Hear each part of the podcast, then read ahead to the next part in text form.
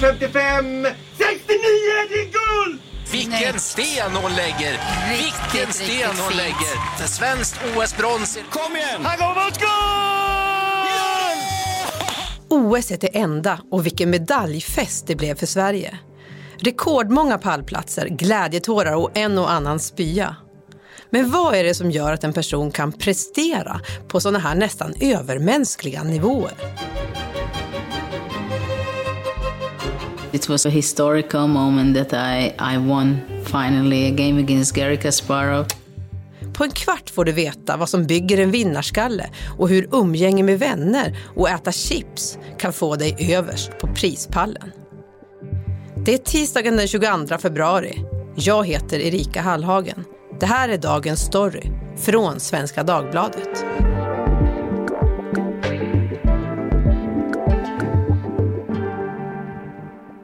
Maria Jelmine, du är vetenskapsreporter här på Svenska Dagbladet och har skrivit en artikel om hur man blir en vinnarskalle. Har du någon favoritnagelbitare från OS? Men det måste nog ändå vara när Nils van der Poel åkte 5000 meter och han låg under så länge och sen liksom långsamt eh, betade sig framåt och så tog han till slut den här guldmedaljen. Och så Sara Hector förstås. Både hon, när hon fick sin guldmedalj och när hon körde ut. Det är en sak att få fjärilar i magen framför tvn. Hur, hur nervös tror du att till exempel Sara Hector var inför sitt guldåk i storslalom? Ja, hon har ju pratat mycket om det här att hon, hon kräktes flera gånger på morgonen, hon mådde illa en vecka. När hon hade åkt så darrade hon i hela kroppen och så här. Så hon har ju sagt att hon var oerhört nervös. Det har ju även eh, Nils van der Poel har ju sagt att han också var väldigt nervös. Men på honom märktes det inte så mycket. Vi ska återkomma till det här med nervositet och hur det påverkar. Men vad är det som gör att de står på prispallen och inte jag? Det finns säkert det finns jättemånga svar på den frågan, Erika. Kanske för att du inte tränar på någon sport. Nej, jag skojar bara. Men en grej som man pratar om är det som kallas för grit. Eh, egentligen översatt ungefär till ihärdighet. Det är en amerikansk forskare som heter Angela Duckworth som eh, såg det här i sin forskning för snart ett decennium sedan. Ehm, och hon gjorde som något sorts formulär, hon kallar det för grit-formuläret. Där man fick svara på frågor som eh, så här, jag, jag försöker hålla i det jag drar igång, jag eh, ger inte upp mina mål, lite eh, sådana saker.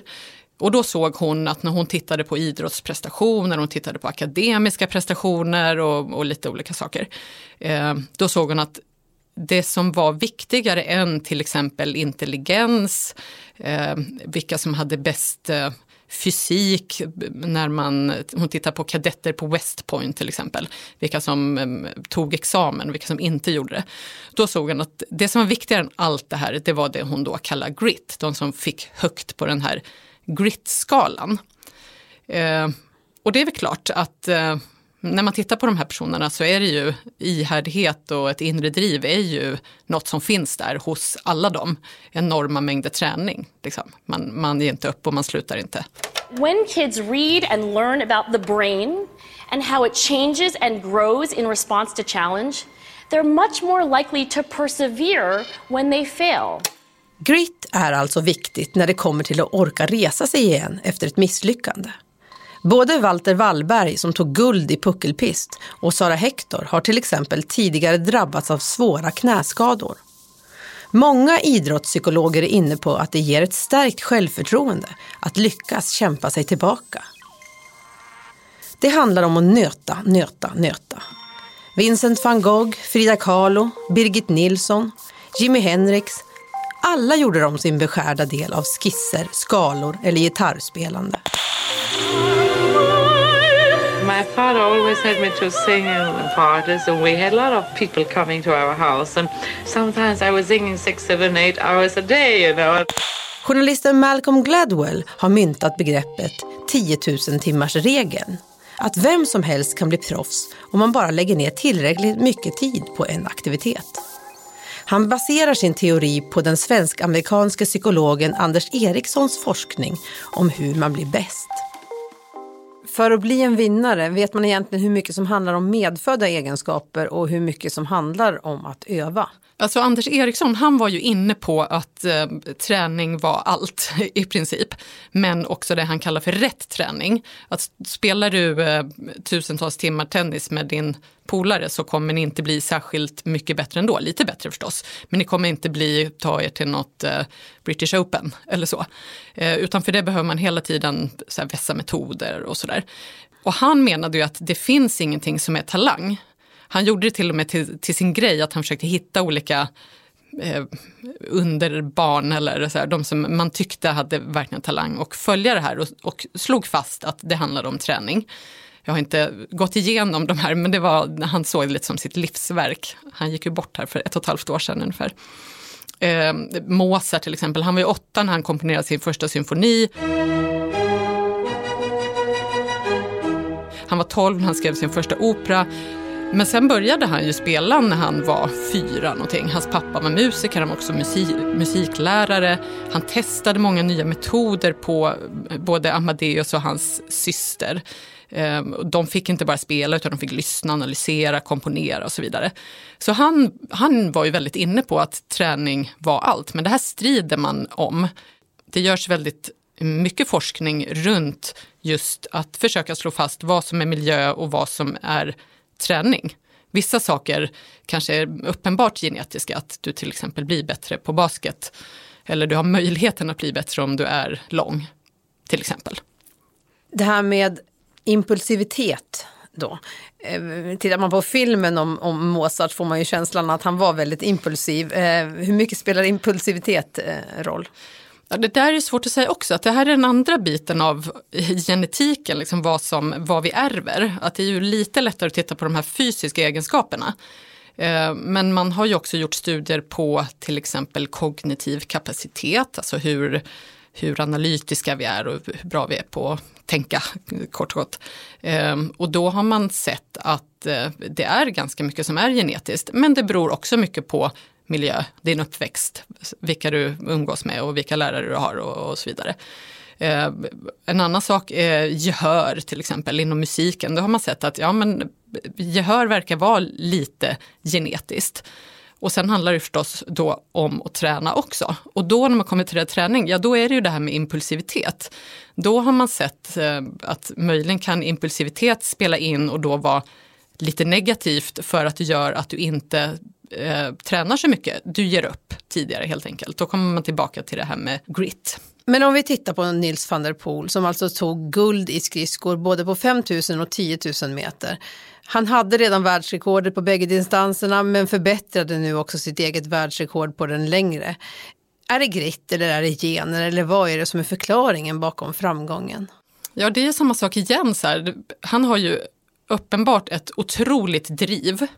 Eh, men han har ju också, han håller fast vid sina mål, men han är också väldigt noga med att ta pauser till exempel och eh, ha annat i sitt liv som är viktigt. Så det här har man ju då sagt att en, en baksida med grit, det är ju att det kan leda till överträning, man går in i väggen, eh, man håller fast vid metoder som är dåliga och så vidare.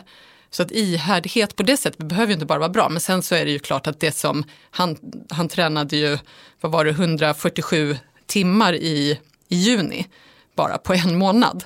Eh, så att det är klart att han tränar ju enormt mycket och eh, är ju oerhört motiverad. Men verkar ju också ha hittat ett lugn och det är möjligt att han lyckas hitta det här lugnet för att han också har, har den här balansen. Han har ju, kör ju ett 5-2 upplägg som är väldigt ovanligt på den nivån. Han tränar fem dagar och är ledig sen två dagar. Men det verkar ju vara en nyckel till framgång. Nils van der Poels sätt att se på träning och vila attraherar. När han la ut sin 62 sidor långa träningsdagbok på nätet så laddades den genast ner av 130 000 människor. Idag säkert det dubbla. 25-åringen tränar enormt mycket men trycker samtidigt på vikten av vila och att ha roligt mellan träningspassen. Att till exempel umgås med vänner som inte håller på med elitidrott och att äta chips fram till sängdags. Den största utmaningen, säger han, med det här träningsprogrammet var att fortsätta vilja genomföra det. Motivationen ja. var nyckeln. Om någonting hade mig motiverad så såg jag det som bra. Ibland var allt jag behövde en öl eller åtta Det är inte så stor skillnad mellan Nils van der Poel och oss två, höll jag på att säga. Träningen kanske är så skiljer. Förenklat kan man säga att kroppen bryts ner under träning och byggs upp under vila. Det här gäller också mentalt och är även viktigt vid kontorsarbete. Så fortsätt att helga kaffepausen och stänga av jobbmailen efter klockan fem. Om man lyckas balansera träning med att koppla av får man orken att kunna prestera när det gäller. Men nerverna är svårare att rå över och nu är vi tillbaka på Sara Hector och hennes guldåk. Jag har förstått att nervositet har som följd att mer blod går till musklerna, kroppen är redo för strid. Det är lätt att fatta, men att kräkas, vad finns det för logik med det? Alltså, när, vi, när vi får en stressreaktion som, som nervositet är, då är det ju egentligen för att det ska vara bra för oss, vi ska prestera. Liksom. Eh, just att man mår illa känns ju, eller kräks känns ologiskt.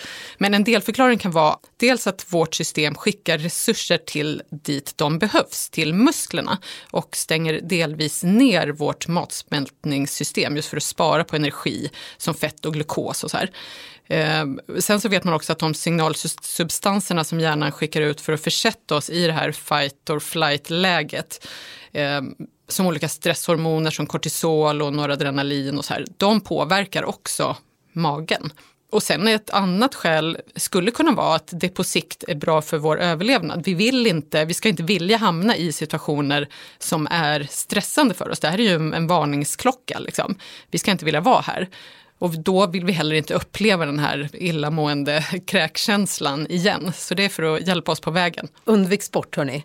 Eh, just illamåendet det är ju svårt att ignorera men i övrigt så låter det ju då ganska smart att lura sig själv att man inte är nervös. Man kan tycka det, men eh, det verkar inte så sett till forskning som är gjort på, på området, utan snarare så så är det så att om man är nervös men trycker undan de här känslorna och inte erkänner dem för vare sig sig själv eller andra så påverkas man av dem i alla fall. Och det här är negativt för prestationen har man sett.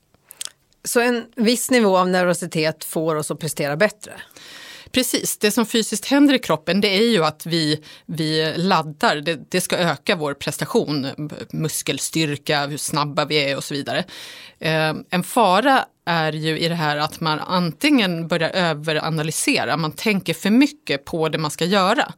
Ehm, det här har ju blivit automatiserat, alltså hur, eh, hur man åker sin, sitt skridskolopp eller kör inför en slalombana. Det sitter så i muskelminnet. Då vill man inte tänka för mycket på varje sväng, så då ställer man sig istället i vägen för sig själv, menar forskare då. Ehm, och det andra är att man tänker alldeles för, för lite på det man ska göra och för mycket istället på att det kan gå illa och att man kan köra ut och så vidare. Så att det tar över istället. Så det är ju en, en fin balans där. Jag blir nervös bara av att kolla på OS. Om man ska ta, dra lärdom av de här vinnarna, hur gör de för att komma över nervositeten? Det som forskare i, idrottspsykologi förespråkar det är just det här att man behöver vänja sig vid känslan, nervositetskänslan. Att man vet att den kommer, man är beredd på det, man har övat.